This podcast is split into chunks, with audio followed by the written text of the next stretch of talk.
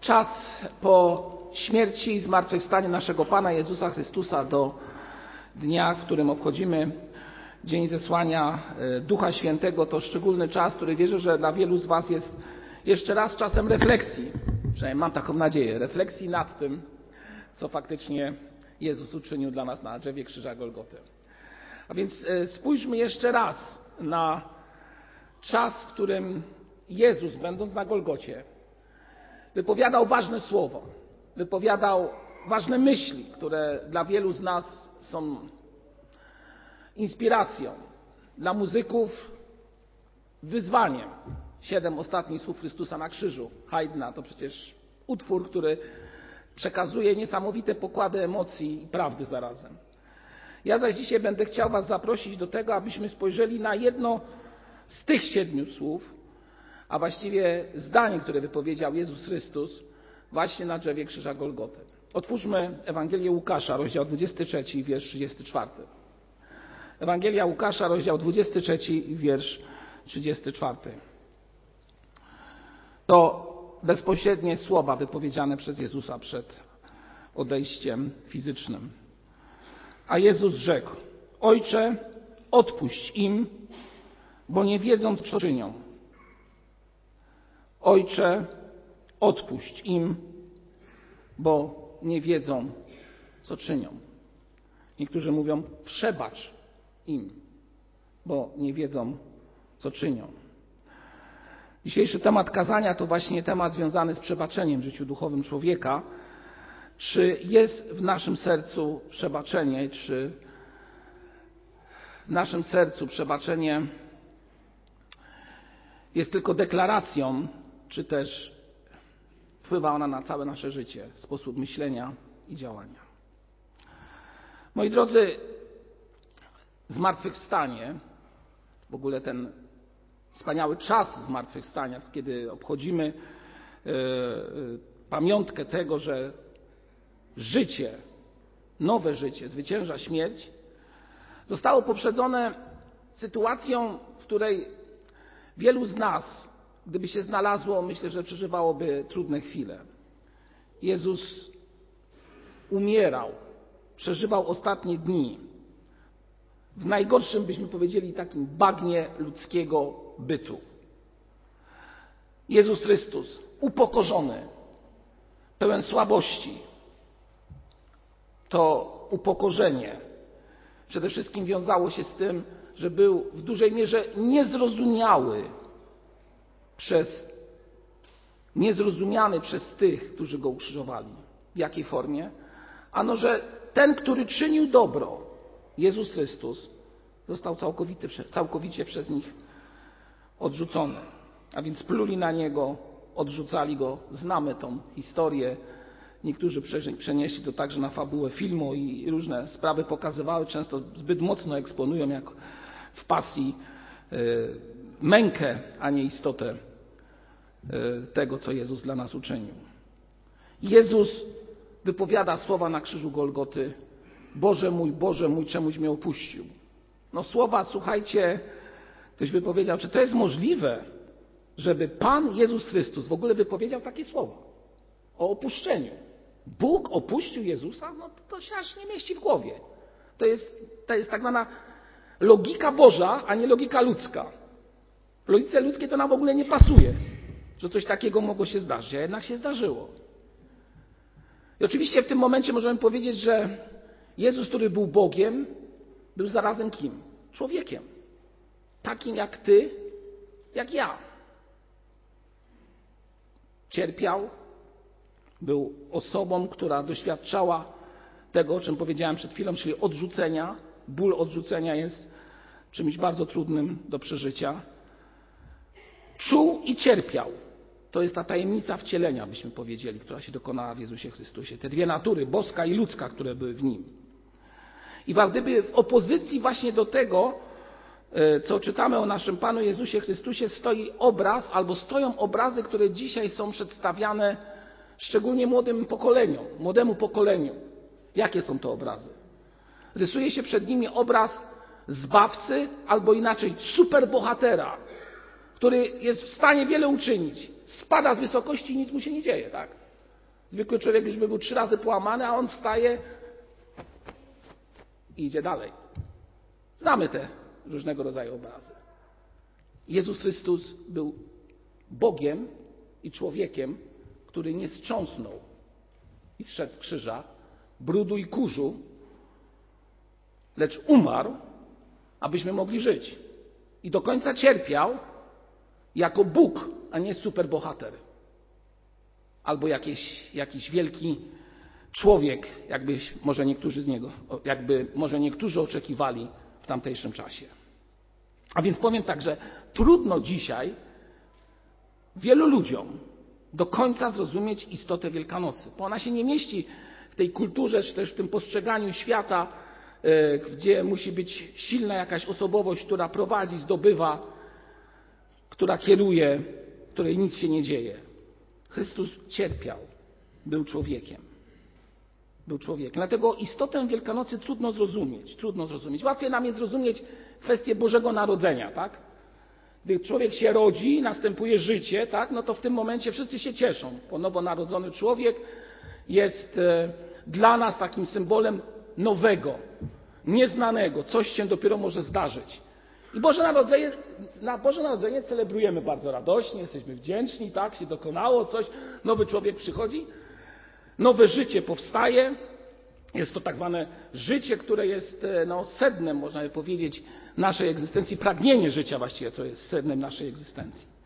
A tutaj, kiedy patrzymy na Wielkanoc, widzimy co? Widzimy życie, które było w Jezusie Chrystusie, pełne pohańbienia, odrzucenia, niezrozumienia. Następnie widzimy to, że następuje przemijanie, czyli co w tym momencie? Następuje śmierć. Coś się kończy. I potem e, widzimy następną sprawę, czy następny etap, który jest związany z Wielkanocą, a mianowicie zmartwychwstanie, które czym może być dla wierzącego człowieka? Może, myślę, że może być swego rodzaju pierwiastkiem wieczności, do której tęsknimy, do której zmierzamy. A więc życie, śmierć i życie wieczne. To te trzy główne elementy, które wiążą się nierozerwalnie z kwestią zmartwychwstania i są dla nas bardzo istotne. Dzisiejszy świat bardzo lubi uchwycić się, tak jak powiedziałem wcześniej, tego, co żyje, co jest, e, co jest namacalne, co możemy dostrzec realnie w naszej codzienności. Spójrzmy, że e, model dzisiejszy, który jest przedstawiany ludziom w reklamach, różnych innych sprawach, przedstawia piękno doczesności, piękno chwili, która jest. W reklamach pojawiają się jakie osoby? Silne, młode i piękne, tak? To jest to, co jest pragnieniem wielu ludzi w tym świecie w dniu dzisiejszym. A nawet kiedy reklama jest adresowana do seniorów, to drodzy seniorzy, kogo widzicie na tej reklamie? Seniorkę, która ma być w waszym wieku, a wygląda jakby troszeczkę inaczej. I też przychodzi, tutaj sobie tam, że tak powiem, yy, idzie sprzęt gdzieś na reklamę, pies jest niezadowolony z tego, że ona z nim idzie, a ona go bierze, bo on ma z nią iść, po czym bierze ją i tańczy, tak? Bo jest tak silna, zwarta i gotowa. Życie. To jest element, element, który, że tak powiem, wkrada się i zamazuje to, co jest istotą Wielkanocy, o czym dzisiaj mówimy. Zamazuje ideę wieczności. Nie doczesnego życia, lecz ideę wieczności. Dlaczego zamazuje? No bo dla wielu ludzi kwestia wieczności jest, muszę Wam powiedzieć, do końca niezrozumiała. Człowiek nie jest w stanie do końca pojąć, czym jest wieczność. I zaryzykuję stwierdzenie i powiem, że dla wielu ludzi w dzisiejszym świecie, gdybyśmy zaczęli mówić im o wieczności, to oni by byli na swój sposób przerażeni, bo to jest coś nieznanego. Oni nie wiedzą, co to jest wieczność. Zapytajmy kogoś, co znaczy dla niego słowo wieczność, przypadkowego przechodnia. No może powie jakąś regułę, której się nauczył, ale dla człowieka, który żyje doczesnością, wieczność bardzo często się charakteryzuje czym? Sposobem e, patrzenia na przykład na rodziców czy babcię, która na przykład wieczorem klęczała przed jakimś tam krucyfiksem, czy też modliła się. No to generalnie, jak mówił mój profesor z języka polskiego, mówi, moi drodzy, na lekcjach języka polskiego zwracał się do nas w latach 80., mówiąc, słuchajcie, ja się do nieba nie wybieram, bo tam będzie nudno. Ja wolę z kumplami pójść na piwo w piekle. ignorował coś takiego. No to, to oczywiście to był sarkazm. Ja mam świadomość tego z dzisiejszej perspektywy, że tak to wyglądało, ale w rzeczywistości może nie aż tak brutalnie, ale wielu w ten sposób widzi tak, zwaną, tak zwany byt po śmierci. Wielu przeraża ich, przeraża ta niewiedza tego, co przed nami. Nie potrafimy sobie tego wyobrazić. Nie wiemy, kogo tam spotkamy, czy spotkamy tam naszych bliskich. No, Pismo Święte mówi o poznaniu, ale jak to będzie wyglądało? Jaka tam będzie logika no, tego poznania? Jaka tam będzie seksualizacja? No żadna nie będzie, moi drodzy, a niektórzy może by. Aż się boję tego powiedzieć. No. Wieczność. Ideą zmartwychwstania Wielkanocy jest wieczność. Wieczność. I muszę Wam powiedzieć, niektórzy myśląc o wieczności, zastanawiałem się nad tym, czy ta wieczność będzie przypominała im w jakimś stopniu doczesność, w której jesteśmy, czyli ten byt, w którym teraz jesteśmy. No i jak odpowiedzieć na takie pytanie? Myślę, że jedną z najprostszych odpowiedzi, jednozdaniowych, będzie to, że wieczność to przede wszystkim czas, w którym będziemy trwać z Bogiem. Trwać z Bogiem, albo inaczej, być z Bogiem. To jest wieczność. Ja nie jestem w stanie opisać tego, bo Pismo Święte nawet o tych kwestiach mówi, że jest to trudne do określenia, ale bycie z Bogiem mnie satysfakcjonuje. Bo ja wiem, że to, co robi Bóg, często nie zgadza się z moją logiką i z moim postrzeganiem świata, ale wiem, że w konsekwencji to, co robi Bóg, jest dobre. A więc wolę zaufać temu, co jest dobre, niż temu, co przemija i może na reklamie nawet pięknie wygląda. Co jest istotą sprawy? pogłębienie relacji z Bogiem. A więc kiedy patrzymy na czas zmartwychwstania, na czas, który jest istotą chrześcijaństwa, przede wszystkim powinniśmy być zachęceni do jednej podstawowej rzeczy. Jeżeli zmartwychwstanie mówi o wieczności, czyli o nowym życiu i wzywa nas do tego, abyśmy do tego dążyli, do tej wieczności, to dziś postarajmy się o to, aby moja relacja z Bogiem, z którym będę kiedyś w wieczności, już dziś była pogłębiona. A więc, aby już dziś nastąpił swego rodzaju przedsmak nieba i postrzeganie Jego wielkości przed tym, co przed nami, przed tym, do czego zmierzam. I tak jak mówię, ziemska logika, która e, nie potrafi ogarnąć kwestii czasu do końca, że tego czasu no, nie będzie ograniczenia czasem w niebie. Tego też nie potrafimy sobie wyobrazić, jak to będzie w ogóle wyglądało. No, bez nie ma określonych godzin? Nie potrafimy, logika nasza nie jest w stanie tego przyjąć. Przestrzeń, która będzie tam związana. My jesteśmy ograniczeni jakąś przestrzenią, która jest wokół nas, a tam, moi drodzy, no przestrzeń to będzie Bóg. No ktoś powie, że niebieskie Jeruzalem, Jeruzalem ma wymiary. No bo ma. Kiedyś policzyłem tutaj, ile ono może mieć. To jest bratem Pawłem, żeśmy na ten temat rozmawiali i doszliśmy do tego, że de facto jeden z boków Nowego Jeruzalem będzie miał około 2160 kilometrów. I to nie będzie przestrzeń kwadratu, tylko to będzie przestrzeń, która będzie się wznosiła, czyli wielopiętrowa. Słuchajcie, gdy spojrzymy na to, co jest opisane w Księdze Objawienia, to aż ciarki przechodzą. Poczytajcie o tym. Oczywiście ktoś powie, o brat tutaj różne dziwne rzeczy opowiada. Powiem wam jedno. Są wskazania, ale to, co ja widzę, widzę jak w zwierciadle, w niby zagadce. Czy ja jestem w stanie sobie to wyobrazić? No nie. Jedyne, co sobie jestem w stanie w jakiś sposób wyobrazić, jeśli chodzi o wieczność, która, jak powiedziałem, nierozerwalnie jest związana ze zmartwychwstaniem, to przede wszystkim to, że jeżeli będę w tej wieczności, a wierzę, że będę, to przede wszystkim będę trwał w społeczności z Bogiem. To mi wystarcza. Nie wiem, czy Wam wystarcza, ale wierzę, że wierzący człowiek może mieć takie przeświadczenie, że to jest ważne i to jest jak gdyby wystarczające. Pogłębiajmy więc relacje z Bogiem. Tej pogłębianie relacji z Bogiem, o, tej o pogłębianiu relacji z Bogiem mogę Wam pewne rzeczy powiedzieć. Ale za Was tego pogłębienia nie zrobię, bracia i siostry. Bo tak, jeżeli mamy 7 miliardów ludzi na Ziemi, albo więcej nawet jeszcze, to powiem Wam, że każdy jest indywidualnością taką, że jego droga dojścia do Boga, aczkolwiek jest bardzo podobna do drugiej drogi drugiej osoby, ale w rzeczywistości jest bardzo często emocjonalnie, psychicznie różna od tego, co drugi postrzega. Mamy pewne wskazania, które dotyczą życia wiecznego, jak żyć i trwać w Bogu, ale to wszystko są sprawy indywidualne. I zarówno brat Radek, jak i ja będziemy postrzegać Boga jako Boga Jahwe, który przez Jezusa Chrystusa daje nam zbawienie, ale nasza duchowość, moja i twoja, przepraszam, że tak akurat, ale siedzisz naprzeciw mnie, będzie duchowością inną.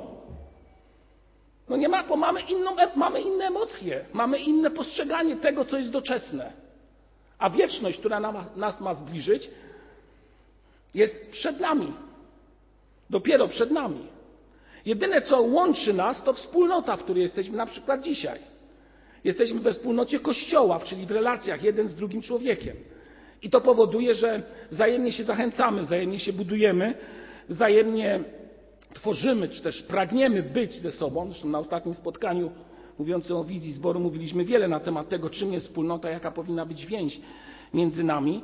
I co się okazuje, że doszliśmy do tego, że jesteśmy tak różni, że tą wspólnotę, jeżeli my sami nie będziemy chcieli budować, no to nikt za nas ją nie zbuduje, moi drodzy. No nie ma dyrektywy, którą wygłosi pastor, że tak i tak ma być, bo jeżeli my nie będziemy tego chcieli, no to nie ma opcji, żeby ta wspólnota w ogóle miała rację bytu, bo jesteśmy ludźmi indywidualnie nastawionymi do pewnych spraw. A więc, moi drodzy, trwanie z Bogiem to wieczność. Bycie z Bogiem tutaj to doczesność, to życie, które możemy już tutaj prowadzić jako ta, ten przedsmak tego, co przed nami. Ale jak to dzisiejsze życie prowadzić, aby to trwanie z Bogiem tu na ziemi miało już rację bytu, która by ewidentnie podobała się Bogu? Ktoś powie, bracie, czy ty masz prawo do tego powiedzieć, że wiesz, co podoba się Bogu? No więc ja mogę powiedzieć, ja nie mam prawa, ale Pismo Święte mówi, co On powiedział. Mój Pan Jezus Chrystus. A co On powiedział na krzyżu Golgoty? Przebacz im, bo nie wiedzą, co czynią. Tak? Czyli przebacza swoim oprawcom, tym, którzy Go opluli, zniszczyli, którzy Go ukrzyżowali. A więc jedną z głównych przesłanek, ktoś powiedział, że ostatnie wypowiedziane słowa przez człowieka, kiedy umiera, są często istotą sprawy. W tym zawiera się cała, całe życie człowieka. Ostatnie przesłanie, jeżeli ma siłę to wypowiedzieć. Więc co Jezus powiedział? No przebacz im, bo nie wiedzą, co czynią. Moi drodzy, czy chcemy tego, czy nie, to są ostatnie słowa Jezusa Chrystusa. Jest to wezwanie do tego, jeżeli chcesz trwać w Nim, w Twoim i moim życiu powinno być przebaczenie. I moi drodzy, tak sobie patrzę na, na temat tej sprawy i w konsekwencji, czy też w zależności od tego, czy w relacji do tego, o czym mówiłem, o budowaniu w społeczeństwie obrazu silnego człowieka, takiego superbohatera, kiedy pokazujemy obraz zupełnie inny, który wzywa do przebaczenia i idącej za tym pokory, no to to jest taka jakaś tajemnica trudna do przełknięcia, tak? Trudna do zrozumienia. Ktoś by powiedział, to się nie trzyma czego? No wiadomo, po, po ludzku przebaczyć, jak moje jest właściwe i mam, ja mam rację, ja mam przebaczyć, jeżeli ktoś mi nauczy, no nie, no to to się jakoś tak czasami nie mieści w tym wszystkim. A jednak to jest właśnie ciekawe, że Pan Bóg, Pan Bóg wlał do Twojego i do mojego serca coś, co jest trudne do wytłumaczenia, a mianowicie, że gdy człowiek staje przed obliczem Boga i trwa w nim, rodzą się w nim emocje, które są związane z tym, że potrafi zrezygnować ze swojego egoizmu, ze swojego ja w imię bliskości Boga. Dalej, taki człowiek potrafi prawdziwie przebaczyć, chociaż wydaje się, że to przebaczenie nie ma nawet racji bytu. I nie powinien przebaczać, to raczej jego powinno się przeprosić albo jemu przebaczyć. Ostatnio miałem rozmowę z pewną młodą dziewczyną, moi drodzy, osiemnastoletnią, która opowiadała mi historię swojego życia. I okazało się, że mm, wychowywała ją babcia i e, rodzice tak do mnie mała umarli. I okazało się, że mniej więcej pół roku temu znalazła swoją matkę. Znalazła swoją matkę, która, jak się potem okazało, porzuciła ją w młodości. Dzisiaj mamy Dzień Matki i zazwyczaj rysujemy obraz matki, która pomaga, która wyciąga dłoń dla swojego, do swojego dziecka, która jest w stanie wszystko przebaczyć. To jest ten wzór przebaczenia. No ale tu się okazało, że ta matka niekoniecznie była z tym zainteresowana. I kontynuując tą rozmowę, tak tylko pokrótce opowiem, że e, ta matka e, mniej więcej trzy miesiące temu bardzo ciężko zachorowała. Córka próbowała się do niej zbliżyć, ale nadal była jakaś bariera, która ją oddzielała od niej. Trafiła do hospicjum i umarła. I ona została faktycznie teraz już sierotą. Ta młoda, osiemnastoletnia dziewczyna. Notabene jeszcze sama choruje, także bardzo ciężka sprawa. I po ludzku bym powiedział tak. Ma żal do Boga, tak, że została przez matkę odrzucona. Ma żal do Boga, że ta matka nawet nie chciała z nim utrzymać żadnej relacji. Nawet kiedy ona chciała się do niej zbliżyć. Nie chciała. Pełne, całkowite odrzucenie. Ta młoda dziewczyna nie jest osobą, która zadeklarowała tak jawnie, że chce iść za Chrystusem, czyli po naszemu nie nawróciła się w pełni, tak, tak byśmy powiedzieli. Ale powiem Wam jedną rzecz. Kiedy nasza rozmowa dobiegała końca, była ona dosyć długa,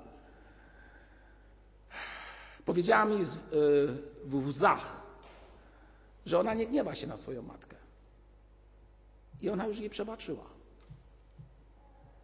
Ona jej przebaczyła i wierzę, że matka ma to samo, chociaż nie było jej dane nawet matce to powiedzieć. Niesamowite, że człowiek w sobie może wypowiedzieć takie słowa i powiem tak po ludzku, to nie jest z nas. To Bóg daje nam siłę, abyśmy takie słowa przebaczam mogli powiedzieć, nawet w takiej ekstremalnej sytuacji, którą przed chwilą opisałem. Przebaczenie jest nierozerwalnie związane ze zmartwychwstaniem, moi drodzy. Zmartwychwstanie naszego Pana Jezusa Chrystusa rozpoczęło się przez to, że powiedział: Przebaczam, a następnie trwa do dzisiaj przez to, że Pan Bóg przebacza Tobie i mnie każdego dnia sytuacje, w których ewidentnie działamy przeciwko Niemu. I to jest przebaczenie. Niezrozumiałe. Dla ludzi nielogiczne. Bo Pan Bóg jest w stanie przebaczyć wszystko, jeżeli szczerze wyznajemy. Pan Bóg jest w stanie przebaczyć każdy grzech, dopóki czas łaski trwa. Przebaczyć i zapomnieć. Bo człowiek, bo człowiek bardzo często przebacza, ale z tyłu głowy nie zapomina. Tak? Moi drodzy, jak to tam u Was? Jak to u mnie? Ja się przyznaję, że mam z tym problemy. I nie udaję przed Wami superbohatera. Przebaczenie jest w moim sercu, a diabeł ciągle mi z tyłu głowy mówi, ale nie ufaj. Straszna sprawa. Straszna sprawa. Moi drodzy, przedsmak wieczności możesz doświadczyć wtedy, jeżeli w Twoim sercu będzie gościło przebaczenie pełne, jeżeli przebaczysz wszystko. A co mamy do przebaczenia, to każdy z Was wie. Czy są to relacje rodzinne, czy są to skrzywdzenia, których doznaliśmy. O co mamy prosić Boga, żeby nam przebaczył, też każdy z nas wie. Bo tak jak powiedziałem, jesteśmy indywidualnymi ludźmi i przed Bogiem, kiedy będziemy stać, nie będziemy stać jako wspólnota z waliców, tak sobie myślę, tylko będziemy stać jako Marek Budziński, jako inny brat, który jest przed, nami, przed, przed Bogiem i przed Nim będziemy zdawać sprawę. Przebaczenie to nie tylko słowo deklaracji, ale cały proces. Proces. I tutaj sobie zapisałem kilka punktów.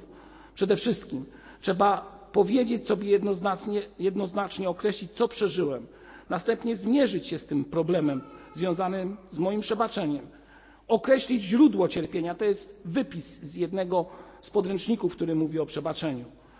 Często musimy zdać sobie sprawę, że to najbliżsi nam coś złego zrobili i my musimy nazwać to po imieniu, kto nam coś takiego zrobił albo co myśmy zrobili. Następnie przełamanie się. I tu musi nastąpić Boża ingerencja. Człowiek się nie przełamie, gdy Pan Bóg mu w tym nie pomoże. Czyli nie złamie ludzkiej logiki, dopóki Pan Bóg mu nie pomoże. I faktyczne przebaczenie. Jeszcze jeden przykład. Mianowicie też czytałem ostatnio książkę.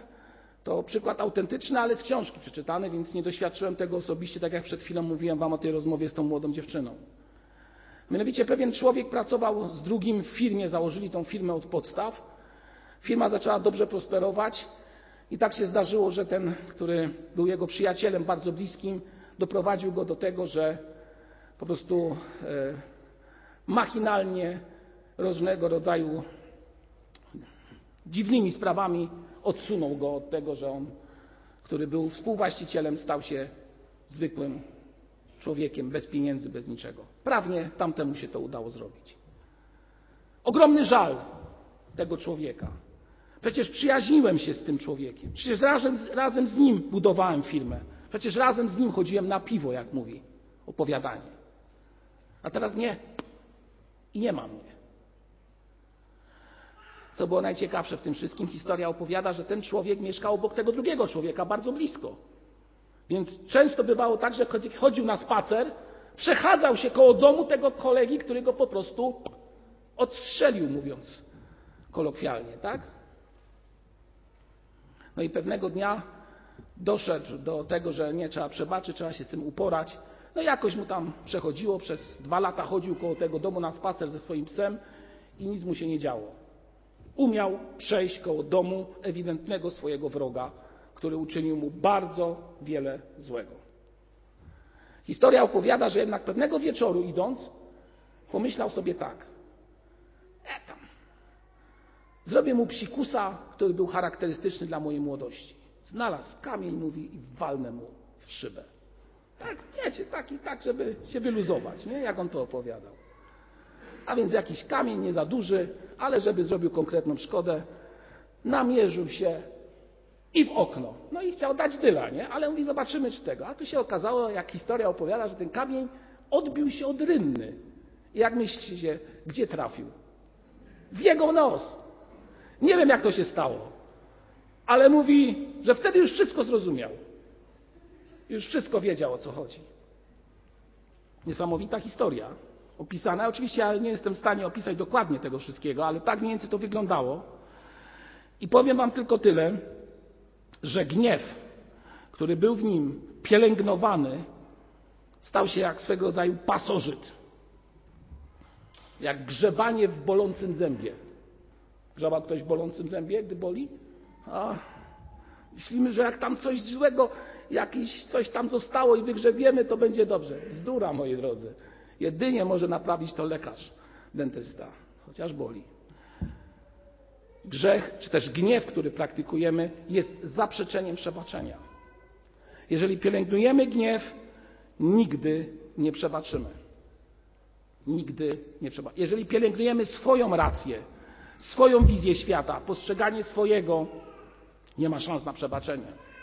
A w związku z tym nie ma szans na relację z Bogiem. A więc w związku z tym nie ma szans na relację z tym, do czego zmierzamy. Bo jeżeli tu nie mamy relacji z Bogiem, no to jaką będziemy mieć relację z Nim w niebie? No moi drodzy, zadajmy sobie proste pytanie. No żadną. Więc wybieranie się do nieba będzie tylko i wyłącznie pragnieniem naszym, aby mieć święty spokój.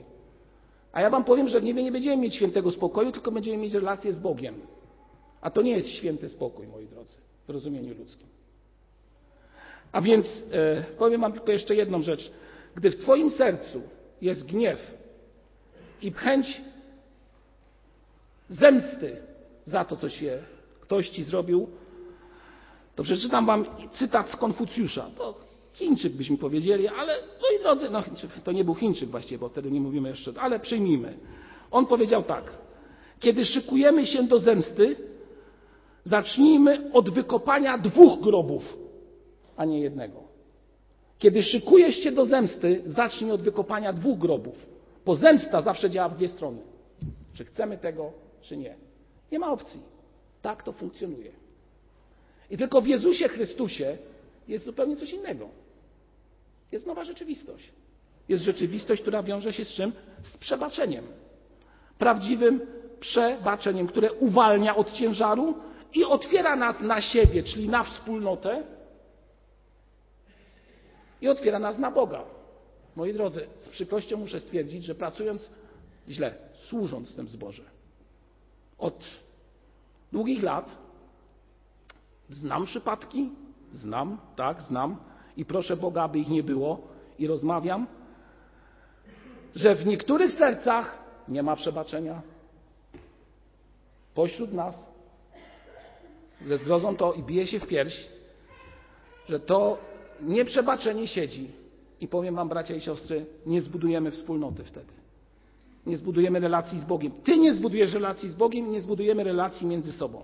To tylko przebaczenie, które jest ewidentnie związane ze zmartwychwstaniem Pana Jezusa Chrystusa, ewidentnie związane z tym całym okresem, w którym Jezus cierpiał i pokazał nam nową drogę do wieczności, jest to związane właśnie z Twoim i moim przebaczeniem. Idziemy w różne miejsca. Czasami, jak ktoś powiedział, robimy krok do przodu, czasami się zatrzymujemy, wracamy i, wydaje nam się, że już problem rozwiązany, a się okazuje, że jednak nie.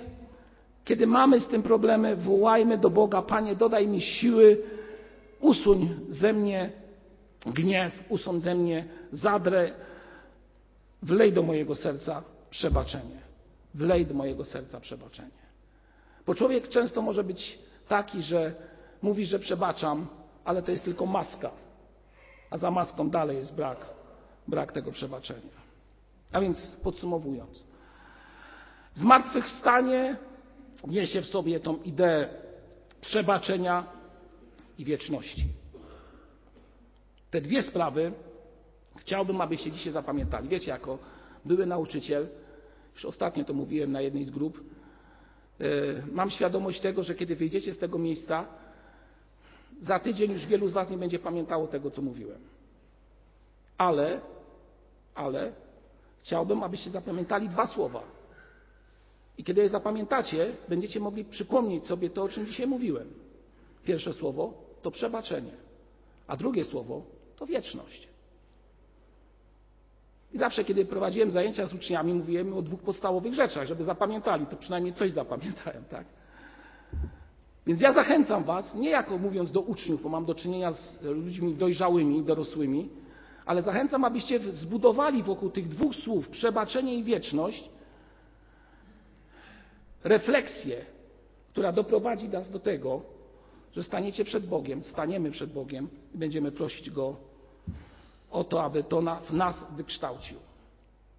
Przebaczenie i żeby wlał do naszego serca pragnienie wieczności z Nim, trwania z Nim. Niech Was Pan Bóg błogosławi. Zapraszam do modlitwy. Powstańmy.